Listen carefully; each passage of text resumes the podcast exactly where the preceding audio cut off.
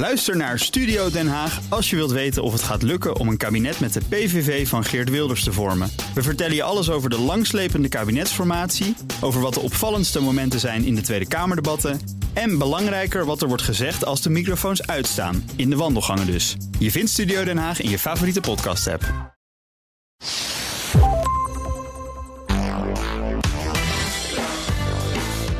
Welkom bij de Ben Tichelaar podcast bij BNR, de podcast over persoonlijk leiderschap. Met elke week tips en inzichten van zeer inspirerende gasten die je helpen om je verder te ontwikkelen in je werk en de rest van je leven. Mijn naam is Ben Tichelaar en mijn gast in deze aflevering is management-expert Rudy Kor. Rudy, welkom. Leuk dat je er bent. Dank. Ja, een paar highlights even uit jouw loopbaan voor mensen die jou nog niet, jou nog niet goed kennen. Uh, je werkt bij het bekende adviesbureau Twijnstra Gudde al meer dan 30 jaar, klopt dat? Klopt, als een ja. certificaat. Ja, je, je, bent, je bent daar opgeklommen tot partner, zoals het dan heet. ja. ja, je lacht erbij, maar voor heel veel mensen is dat een droom natuurlijk. Dat weet je niet meer als je het al twintig jaar bent. Ja, dat is misschien wel een beetje het punt. Nou ja, je hebt nog heel, heel veel andere dingen ook gedaan. Auteur en co-auteur van 15 managementboeken, waaronder uh, Meesterlijk Organiseren, samen met Mathieu Weggeman en Gert Wijnen. Managen is gewoon doen. Dat is jouw favoriete titel, hè, begrijp ik, van alle boeken die je hebt geschreven. Ja, daar zit volgens mij wel de geest van mijn denken in. Namelijk, ja. Voor een Groninger is het heel lastig, omdat je namelijk een klemtoonprobleem hebt met die titel. Je kunt namelijk zeggen, managen gewoon doen of managen gewoon doen. Ja, wat is het voor jou? Vooral, waar ligt de klem, klemtoon op bij jou? Nee, het is wel die dubbelzinnigheid die erin zit. Oké, okay, ja. Omdat ik vaak vind dat het vaak veel te ingewikkeld en te stoer gedaan wordt en heel vaak gepraat wordt en dat het doen vergeten wordt. Oké. Okay. Nou, goed om dat te horen. Hey, en dan ook nog, ik, ik ga gewoon even door met de boekenlijst. 50 checklists voor project- en programmamanagement. Dat heb je samen geschreven met Gert Wijnen. Dat is ook in het Engels en in het Chinees verschenen. Hoe heet het in het Chinees, dat boek? Ja, dit is een strikvraag natuurlijk. Ik zou die zin niet kunnen uitspreken. Nee, precies. Hey, en uh, een meest recente boek is het project Canvas. En dat is ook in het Duits verschenen. Dat heb je uh, geschreven samen met Theo van der Tak en uh, Jo Bos. Nou ja, je bent organisatiekunde, organisatiekundige. Maar je zei ook net al even, ook Groninger. En ik vroeg, wat moet ik, je wat moet ik zeggen bij je introductie? Dan zei je ook Groninger graag. Ja, nee, dat, dat komt weer terug natuurlijk. In die zin van zo net van dat boek. Ja. Ik denk dat wij Groningers toch nog een talent hebben voor het aardse en voor het directe. Ja, ben je, uh, ik kom zelf ook uit Groningen. Ben jij stadjer, zoals we dat wel zeggen? Kom je uit de stad Groningen of kom je van het platteland, de ommelanden? Nee. Ik grensgeval, maar ik ben het grootste gedeelte van mijn leven heb ik als Groningen tenminste. Hè, want ik ben nu ge geëmigreerd naar Hilversum. Ja. Dan heb ik het grootste gedeelte heb ik dan toch in de stad gewoond. Oké, okay, ja.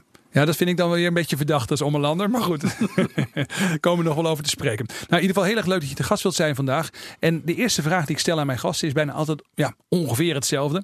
Wat is nou een inzicht dat jou persoonlijk echt veranderd heeft? Iets wat je hebt geleerd, misschien wel over leiderschap of projectmanagement, waar je ook veel mm -hmm. van af weet, veel over hebt geschreven. Iets waarvan je zegt dat heeft mij in mijn werk, of misschien zelfs wel breder, echt beïnvloed. Een boek wat mij uh, heel erg beïnvloed heeft. En, uh, het, het boek zelf denk ik niet zo bekend, maar van de theorie die erin stond. Dat is de Art of Japanese Management van Athos en Pascale. Ja.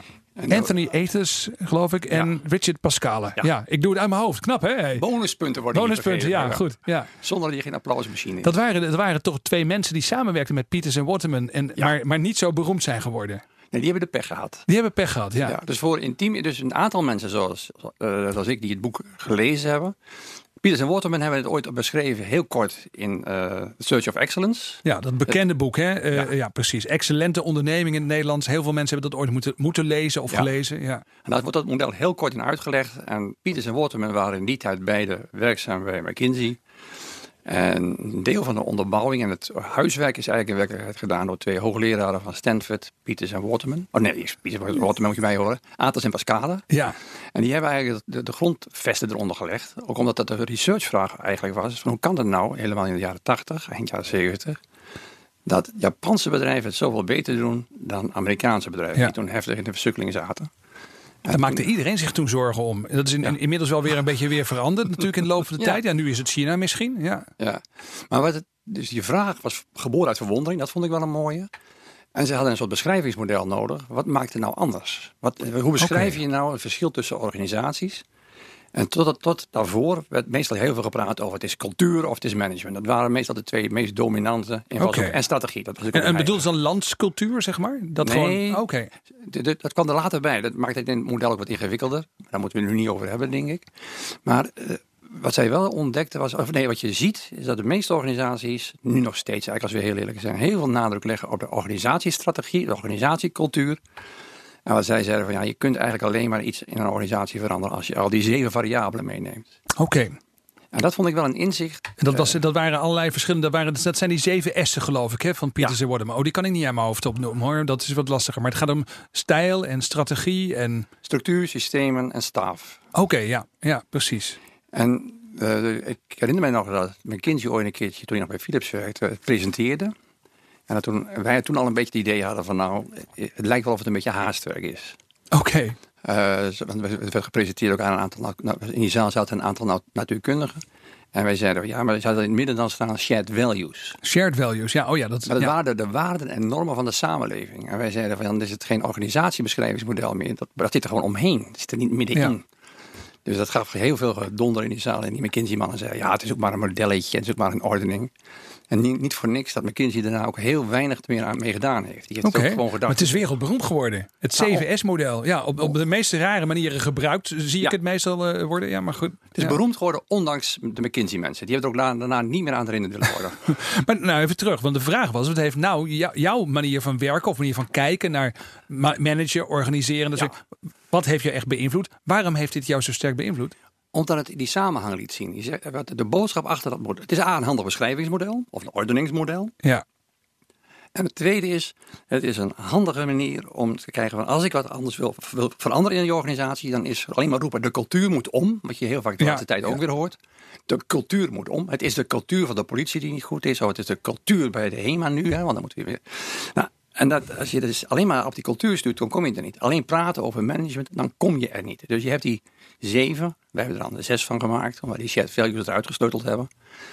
Maar je hebt dus meer, meer invalshoeken nodig om goed na te denken over hoe, wat, wat, maakt die wat maakt organiseren nu tot, er, ja. tot er iets gebeurt. Dus als ik leidinggevende ben in een bedrijf, ik luister naar deze podcast, dus eigenlijk gewoon de boodschap is: het is toch complexer. Als je denkt dat ja. is één ding, één knop waar je aan kunt draaien, dan zit je er toch naast.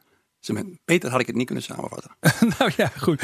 Hey, um, laten we het hebben over jouw werk en jouw ideeën. Je hebt meerdere boeken geschreven over management en over leidinggeven aan projecten ook. Met name op dat laatste gebied, leiderschap bij projecten. Ben je echt een beetje uh, toch een soort goeroe mm -hmm. in Nederland, kan je wel zeggen. He, project Dr. Cor uh, wordt je wel genoemd, heb ik begrepen. nou, heeft, iedereen heeft in zijn werk met projecten te maken. Mm -hmm. uh, um, en, en misschien is het leuk om gewoon eens even te kijken, als ik nou in een project zit, of ik moet leiding geven aan een project, wat moet ik nou weten? Wat zijn er de drie, vier dingen waarvan jij zegt in mijn loopbaan, als het gaat om het nadenken over projecten, zijn dit dingen die, die moet je gewoon weten? De, de makkelijkste antwoord is eigenlijk dat je in een drie of vier dingen zoekt. Ik, zie, ik, ik heb vanochtend weer een werkbijeenkomst gehad met een aantal opperambtenaren. En het gedonder begint al van dat ze eigenlijk niet goed weten wat het verschil is tussen een doel, waarom begin ik er eigenlijk aan en wat lever ik op. Oké. Okay. Dus dat is, als je dus ergens mij vraagt wat is een van de grootste faalfactoren, dan is het ge, niet weten waarom begin ik er eigenlijk aan en dat goed onderscheiden van het, het op te leveren product, deliverable of resultaat. Hè, wat, ja. wat je mooier vindt. Kun je daar een voorbeeld even bij geven, zodat ik het ook begrijp? Als je zegt van uh, we willen betere koffie in dit gebouw. Ja. Dan gaan sommige mensen zeggen, dan is het doel ook meteen twee nieuwe koffiemachines. Oké, okay, ja, ja. Dat is het doel helemaal niet. Dat is het product wat je oplevert. Het is in dit geval een hele simpele. Uh, maar als je dat niet goed helder hebt, van waarom wil je ook al nieuwe koffiemachines? Ja. Dan weten we überhaupt wel of het ging nou over een nieuwe, is het doel betere koffie of is het betere drankvoorziening? Ja. Of is het een betere ontvangst van gasten? Bijvoorbeeld, ik kwam hier binnen en ik vroeg of ik cola kon krijgen. Nee, dat kan weer niet, dan moeten we naar een automaat. dus je kunt zeggen van, nou ja, als het doel is betere gasvrijheid. Dan moeten ze bij BNR moeten ze een cola-automaat aanschaffen. Ja, ja, die gewoon zo open kan, zonder dat de gasvrouw eerst muntjes moet verzamelen of een creditcard moet, moet opzoeken. Ja. Maar als je dus niet goed nadenkt over dat doel en dat doel te snel te, te klein maakt, dan kom je ook er niet uit met het uh, product wat je aan het einde oplevert. Oké. Okay. En heel veel projecten gaan daarmee de, de mist in. Oké, okay. want, want, het kan zijn dat het product wat je oplevert misschien onderweg verandert, maar het doel blijft wel gelijk. Is, het, is dat dan hoe ik het moet interpreteren? Nee, ook, nee, nee dus de wereld verandert voortdurend onder je vingers. Daarom, okay. je, daarom roep ik wel eens, je moet het één keertje opschrijven en boven de deur hangen. En ervan uitgaan dat het morgen anders kan. Oké. Okay. Dus maar de stelling is, je mag alles veranderen als het maar beheerst verandert. Oké. Okay. En heel veel dat mensen... is een tweede belangrijke projectles. Ja. Je mag alles veranderen als het maar beheerst verandert. Ja, en heel veel gebeurt impliciet. Dat is ook een variabele, die, een faalfactor van koninklijke allure. Dus zeg je, ja, nou, je toch bij de koffieautomaat zien? We hadden toch afgesproken dat het vier koffieautomaten gingen worden. Maar nee, het worden niet vier koffieautomaten. Maar we gaan nu naar eigenlijk een zelftapsysteem ook voor frisdrank. Snap je wel, hè? Ja. Als je het even meeneemt in de noodtulen en dan even een nieuw budgetje aanvraagt. Komt wel goed, hè, Ben? Ja, ja. En dan maar gek vinden dat niemand aan het einde nog weet van wat de afspraken waren. En dan weer roept, het gaat allemaal Dus onderweg ook buiten de vergaderingen, zonder dat dingen worden vastgelegd, zeg maar schuiven, schuiven op een Ja. gegeven moment de wensen van mensen die betrokken zijn bij projecten, de, de interpretaties van wat er eigenlijk was afgesproken. Ja. En dan is de laatste misschien wel in, in in jouw rijtje. Dat is gewoon slecht opdrachtgeverschap. Dus ik zie een ongelofelijke hoeveelheid slechte opdrachtgevers. Die te scheiterig zijn om hun rol te nemen. Dat vol te houden. En gedisciplineerd ook geïnteresseerd te blijven in het project dat, dat er voor hun is. ja. En, eh, ik hoor En wat voor soort projecten praat dan over? Want ik bedoel, jij bent betrokken geweest bij allerlei dingen. Of het nou zeg maar de bouw is van een nieuw ziekenhuis of grote Ja. veranderprojecten in eh, bedrijven. Eh, ik zie bijvoorbeeld zelf bij veranderprojecten vaak gebeuren dat iemand die als het ware de opdrachtgever is, liever een beetje uit beeld blijft. Omdat hij weet dat veel veranderingen mislukken. Dus denkt van ja, als ik niet te veel in beeld ben, dan wordt er ook niet mee besmet hè, als het misgaat. Nou, dus ik praat meestal over de, wat het moeilijk maakt en waarom in de, de- je hebt de twee soorten projecten. Dat zijn de gigaprojecten waar je dan een fulltime projectleider hebt met een fulltime opdrachtgever soms. Eh, een fulltime team. Ik, ik raak het, ben het meest raak ik in, ben ik in aanraking, kom ik in aanraking met de deeltijd opdrachtgever, met de deeltijd projectleider, met het deeltijd projectteam. Oké. En die deeltijders maken het heel moeilijk in, de coördinatie, in heldere afspraken, om bij de les te blijven en om iets aan het einde echt op te leveren. Maar goed, dat is inherent aan veel organisatiemodellen waar mensen in een soort matrix natuurlijk zitten. Je hebt gewoon je, je normale werk. Ja. En daarnaast ben je ook nog projectmedewerker, projectleider of whatever. Ja. Dat is, dat is het ook het moeilijke. En dat vraagt dus ook dat je beter met elkaar afstemt, ook een betere startbijeenkomst hebt. Dat je dus moet accepteren en onderkennen van dat dat deeltijdfenomeen er nu eenmaal is. En bijna alle handboeken en dergelijke gaan allemaal over die fulltime projectleider. Oké, dat is interessant. Ja, ja. Dus eigenlijk moet je vanaf de start dus al je realiseren. We zitten met een soort gebrekkige eh, startsituatie. Want Ja. we zijn allemaal in deeltijd bij dit project betrokken. Ja. En dat vergt dat je dus nog veel strakker eigenlijk met elkaar afspreekt. Of veel, veel beter probeert te beheersen. Ja. eh, hoe het dan moet gaan. Ja. Ja. En dat vragen dus veel meer dan dames misschien mijn Groningisme. Dat je dus zegt van ja, je moet het ook expliciteren met elkaar. Wie is, bij deze mannen vond ik fascinerend, en vrouwen. Ja, dat is een soort bestuur van 16 Dat, mensen. dat zijn de ambtenaren die je vanmorgen sprak. Ja, hè? Oké, ja. een bestuur van 16 mensen. Ja. Opper- heel belangrijke mensen in de samenleving. Dat vinden ze zelf eigenlijk Maar ook 16 mensen in een bestuur, dat is ook wel heel veel. Ja, vind je niet? ja, dat is Ja. ook heel knap hoe ze dat doen. Maar die 16 vinden dat ze samen dan de opdrachtgever zijn. Dus ik zei van, nou ga ik klaar voor jas, want dan weet ik nu al wel de faalfactor. Hier hoef je niet, dan kan ik gewoon zo weggaan. Als 16, ma- 16 mensen één opdrachtgever proberen te zijn, dat gaat mis, zeg je. Ja. ja. Ik zei van, ja, maar de, ik zei van, ja, je moet dan ergens zeggen dat jullie mogen best met z'n 16 de opdrachtgever zijn. Ja, nee, maar eigenlijk is het echt de opdrachtgever de minister. Ik zeg, ja, dan maak je het nou beroerde met elkaar. maar eigenlijk moet je dan zeggen met, elkaar, met die zes- 16, wie van jullie is voor deze opgave, of dit project, of dit vraagstuk, dan de eerste gedelegeerde opdrachtgever of primus inter pares, hoe je In ieder geval degene die je kunt aanspreken. Ja. precies. Ja. Mijn stelling is wel eens, eh, ik weet niet of je dat hardop mag zeggen, maar groepen liggen nooit ergens van wakker, behalve bij groep seks. Oké, goed. Ja, dat mag je wel zeggen hier. Het is wel een hele leuke, het is een hele interessante managementles. Ja, Gro- groepen liggen nooit ergens van wakker, behalve van groepseks. Ja. Oké, ja. maar je bedoelt eigenlijk te zeggen, niemand pakt dan echt de verantwoordelijkheid. Ja. En de mensen zitten gewoon te wachten op elkaar. En je Ja. pakt er dat stukje uit wat je plezierig vindt. Ja. En daarna zeg je, ja, nee, maar dat had je uit de vorige keer heb jij dat afgesproken. Dus daar, daar, daar, daar moet je maar niet mee. Ik vind het heel interessant van wat je nou dus zeg maar uitlegt. Even heel kort op het gebied van projectmanagement. Een paar hele belangrijke lessen. Ik denk dan bij projectmanagement, en misschien veel luisteraars ook wel, van nou, dat gaat dan over al die methodes die je hebt. Hè? Prince 2, eh, Scrum of eh, allerlei andere Ja. eh, gave eh, stappenplannen, zal ik maar zeggen, en canvassen. Maar jij zegt, het begint dus eigenlijk gewoon bij hele, eh, nou ja, soms, soms ook een beetje minder leuke menselijke eigenschappen. Als je eerlijk bent, ook bij de grote projecten, eh, bijna altijd gaat het gemier over, hebben wij nu helderheid van wat zit nu wel in het project en niet in het project. Ja. Wie is nou de echte opdrachtgever? En wie zijn belanghebbenden? Dat is een hele, heel vaak denken mensen, ja, ik ben belanghebbend, dus ben ik ook eigenlijk een beetje opdrachtgever. Nee. Net als een financier, die is, gaat over het geld en die heeft er een belang bij, maar die is geen opdrachtgever. Ja. En het vraagt dus van een opdrachtgever dat hij het goed realiseert, ze doen het voor mij. Ik wil blijkbaar die nieuwe machines hebben. Ik wil blijkbaar een nieuw ICT-systeem in het gebouw hebben. Ik wil blijkbaar iets bereiken. Ja. En dat vraagt dus enige discipline. En ook dat je zegt van, ik moet ook iets doen daarvoor. Ik moet ook regelen dat de middelen beschikbaar zijn. Ik kan niet achterover gaan leunen en zeggen van, nou, ik heb een projectleider aangewezen. Ik ga nu weer verder met mijn eigen werk. Ja, Het precies. is je eigen werk. Ja, en dat, en dat moet je dus ook een, een, die plek geven die het verdient. Ja. ja. ja. Heel interessant. En we praten hier dus over, dat kan dus over kleine projecten gaan, maar ook over projecten van tientallen miljoenen waar je bij betrokken bent geweest. Ja, ja. precies hetzelfde. Maakt niet uit of je een nieuw ziekenhuis bouwt, dan gaat het precies hetzelfde geklier. ja. Als je heel flauw bent, dan... eh, ik, ik, hier in Amsterdam bij het eh, Nieuwe Rijksmuseum. Dat heeft een jaar vertraging opgelopen. Alleen nog maar doordat er ruzie was over wie is nu de echte opdrachtgever. Dat meen je. Ja.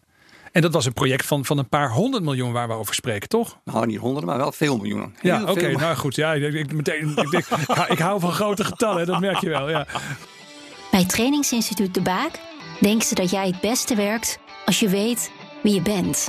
De Baak biedt trainingen aan op het gebied van persoonlijk leiderschap en sponsort deze podcast. Wil jij meer weten over een gratis adviesgesprek om je leervraag aan te scherpen? Ga dan naar debaak.nl/slash podcast. Hey, je hebt, eh, bent aan het schrijven aan een nieuw boek, dat heet Klaar. Ja. Dat is wel interessant. Waarom heet het boek Klaar?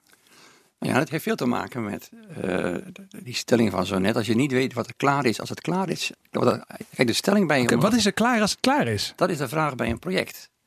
Dus wat, wat leveren wij nou concreet op? En die Ja. is de moeilijkste vraag, wat is er klaar als het klaar is? En dat vraagt dus ook van de opdrachtgever dat hij er goed over nadenkt en ook bereid is daar te expliciteren. En niet een beetje weg te moffelen. Dus niet alleen welk doel wil ik bereiken, Ja. want dat, is toch wel, dat klinkt altijd mooi. We willen een gelukkige samenleving. We willen mensen die blij gebruik maken van facilitaire voorzieningen. Wereldvrede. Ja. Kun je op tegen zijn. Als je daarna vraagt, ja, maar wat, wat doe je dan concreet om dat doel mogelijk te maken? Dan is het die vraag, wat is er klaar als het klaar is? Wat valt er uit je handen? Wat zegt gewoon plof? Wat blijft er staan als, je, Ja. als wij weglopen? Wat staat er dan? Ja. Mooi. Hey, en dan geef je ook in dat boek, ik heb er een beetje doorheen gebladerd. Ik mocht even in het manuscript kijken. Daar stond, er stonden wat bemoedigende woorden voor gewone projectmanagers. eh, die, die, nou ja, die hier misschien naar luisteren en denken: oké, heel interessant, eh, meneer Cor en meneer Tegelaar. Maar ehm, ja, het is gewoon heel moeilijk in de praktijk. En dan zeg jij: weten dat er nog nooit een project uitgevoerd is zoals bedacht. En niks gaat uit zichzelf goed. Maak Ja. je wel druk, maak je wel druk, maar niet te. Dat vond ik Ja. een hele mooie. Dus je moet je wel druk maken, maar niet te. Want, want waarom? Nou, voor de, de projectleider is eigenlijk de boodschap, als jouw opdrachtgever er geen poot naar uitsteekt, stap dan niet in de valkuil van een zelfbevlekking. Oké, Dat je denkt, ik ga dit afmaken omdat ik het zelf graag wil. oké. Dus je doet het al. Dus een projectleider staat ten dienste van iemand anders. En heel veel projectleiders gaan rennen als gekken. Terwijl ze niet in de gaten hebben van dat misschien de organisatie het er niet meer in gelooft. Dat de opdrachtgever zijn, eh, zijn betrokkenheid eh, terugtrekt. Ja. Dus als die te hard gaat lopen, dan wordt het, je moet je er wel mee verbonden voelen. Maar je moet niet, niet de eigenaar van het project worden. Oké, dat is heel interessant. Want ik, ik kan me voorstellen, ook in mijn eigen ervaring, de werkervaring die ik dan heb opgedaan op verschillende plekken voordat ik zelfstandig ging, is dat als je dan een project eh, op je bordje krijgt, ben je eigenlijk, zeker als je jong bent, eh, Ja. dan voel je je heel trots. En dan wil je ook iedereen laten zien dat het jou gaat lukken. Ja, en daarmee vergeet je vaak A, de omgeving erbij te betrekken. Want je, bent- je, je wil, die mensen zijn vaak ook, ook denken ook van, ja, moet dit nu en eh, net, moet het net nu? Ja. En je, je, je, zet ook de, je vergeet soms ook daarmee de opdrachtgever, want die wordt dan lastig. Zoals laatst iemand tegen mij zei, ja, maar als ik die opdrachtgever te veel betrek, dan komt hij met nieuwe wensen. Oké, ja. Ja, Ja. ja, voor wie doe je het dan eigenlijk? Heb jij dan een nieuwe kolenautomaat thuis nodig? Volgens mij helemaal niet. Dus Ja, dus mensen willen heel graag, dat hoor je vaak in de IT, maar op een gegeven moment dan heb je. het- ik heb altijd heel grappig gevonden dat als je in het normale leven met mensen praat over voortschrijdend inzicht, dan vinden mensen dat iets positiefs. Ja. Maar als je bijvoorbeeld met mensen in de IT, projectmanagement praat over voortschrijdend inzicht, dat is, vinden ze verschrikkelijk. Dat is Ja. proberen ze te, te vermijden, zeg maar. Want dan veranderen de eisen, dan gaat het project er anders uitzien. klopt. Ja. Maar dat is eigenlijk dus goed. Dat hoort er gewoon bij, zeg jij. Als het maar beheerst gebeurt. Als het maar beheerst wordt. Dan wil ik toch nog even weten, hoe beheers je dat soort dingen dan? Wat, wat zijn nou dingen waarvan je zegt, nou als je nou eh, een project wilt beheersen, wat, wat zijn dan dingen die daarbij komen kijken? Nou, is het niet te technocratisch, hè, want dat, eh, voor deze podcast gaat het met name over leiderschap. Roep ik wel eens, als de projectleider een scheidlijster is, dan komt er geen moer van terecht. Oké, Dus een projectleider vraagt, ik heb laatst op een universiteit eh, gezegd van nou, misschien ben ik de verkeerde mens uit dit tijdstip. Jullie hebben eerst de cursus assertiviteit 1 en 2 nodig. oké. Want zolang jullie nog knippen en buigen voor een hoogleraar, dan kom je er niet doorheen. Dat vind ik wel een hele mooie. Ja, ja, ja. Bijvoorbeeld in dit voorbeeld over zes hoogleraren. Het gaat over een hele belangrijke studie waar dan een soort aanvraag voor moest komen in een van de Europese subsidie. Het gaat over het, het, de kinderen net geboren zijn in de eerste tien levensjaren. Er zit dan een hoogleraar psychologie, pedagogie, nou, je kunt ze wel allemaal benoemen. En die aanvraag hadden ze dan bij de projectleider neergelegd. Die moest het dan maar, maar regelen. Ik zeg, ik schat in dat je er nooit uitkomt. ja, ja. Want al die zes vinden zichzelf alle zes even belangrijk. Ja, zegt ze, maar ik kan toch niet tegen een hoogleraar zeggen van dat hij onzin uitkraamt. Of dat het eerst maar zelf uit moeten vechten. Ik zeg, ja, waarom niet? Ja. Dat heeft dus iets te maken met dat wij nog ergens diep in onze genen, veel mensen, ook in zo'n universitaire omgeving, diep respect hebben voor gezag. Ja. En een van die hoogleraren was ook nog een keertje degene die deze mevrouw eh, ging beoordelen aan het einde van de reis. Ja. We zeggen dan maar eens van jongens, zolang jullie zo door blijven klieren, dan, kom, dan, dan komen we er gewoon niet. Ja, en, maar dat betekent dus ook dat je een bepaalde, onaf, niet alleen maar onafhankelijkheid van geest, maar misschien ook wel gewoon uh, daadwerkelijk onafhankelijk moet zijn. Ook misschien wel financieel. Uh, maar dat, is natuurlijk, dat komt in de praktijk maar weinig voor. Ja, en dan kom je weer bij die deeltijdens terecht. Ja.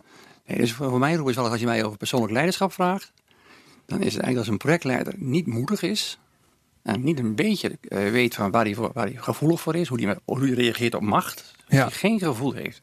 Waar zit nou mijn knopje voor macht? En waar ben ik gevoelig voor? En waar zit mijn ijdelheid of mijn angst? Dan zit hij al in de gevarenzone. Ja.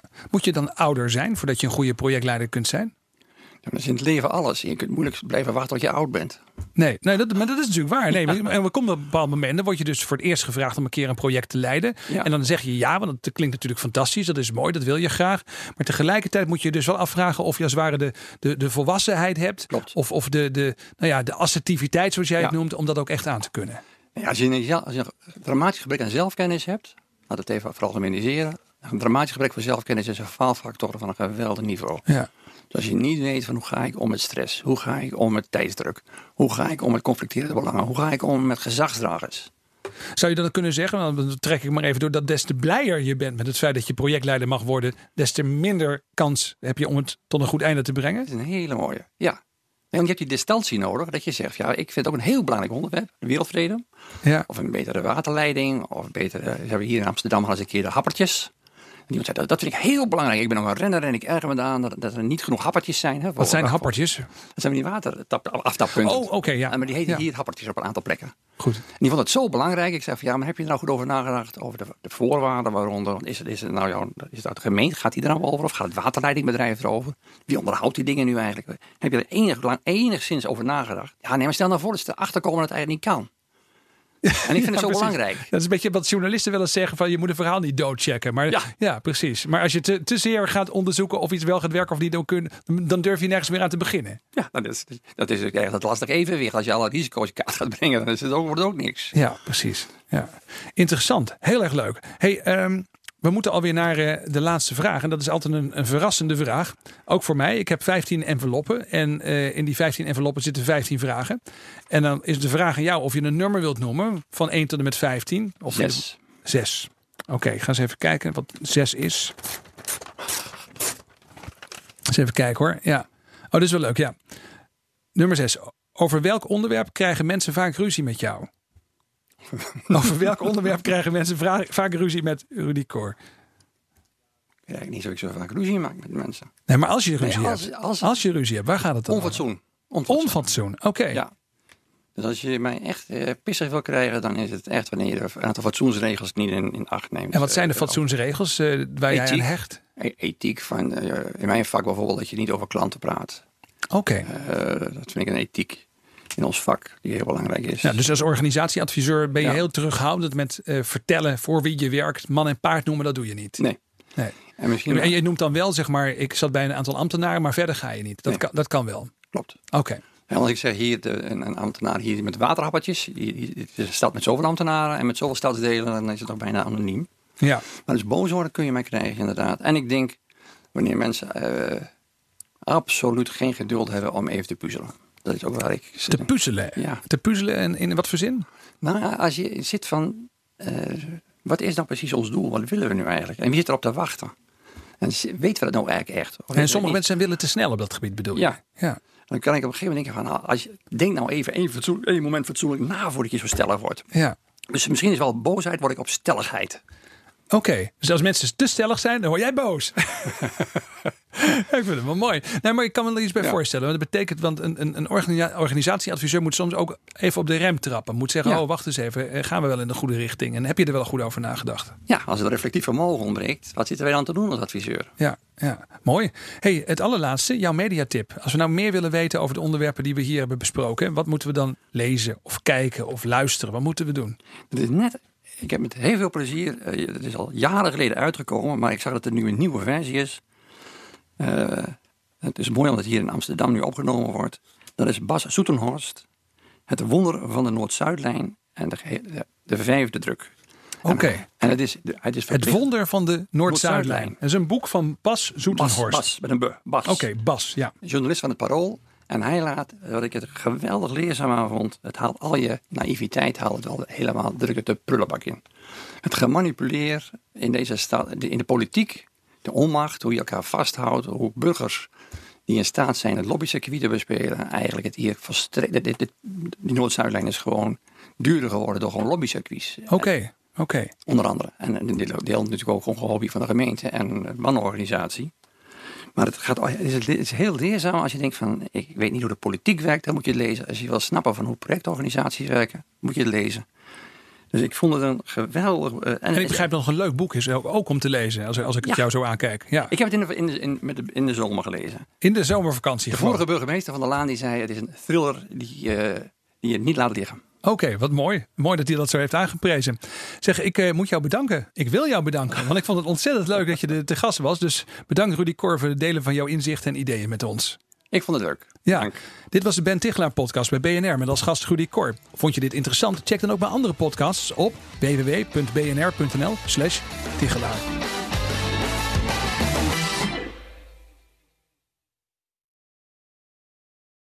Ook Hugo Reitsma vind je in de BNR-app. Superhandig die BNR-app. Je kunt alle programma's live luisteren, breaking nieuwsmeldingen. Je blijft op de hoogte van het laatste zakelijke nieuws. En je vindt er alle BNR-podcasts, waaronder natuurlijk de belangrijkste, Boeken zijn in de wijk. Download nu de gratis BNR-app en blijf scherp.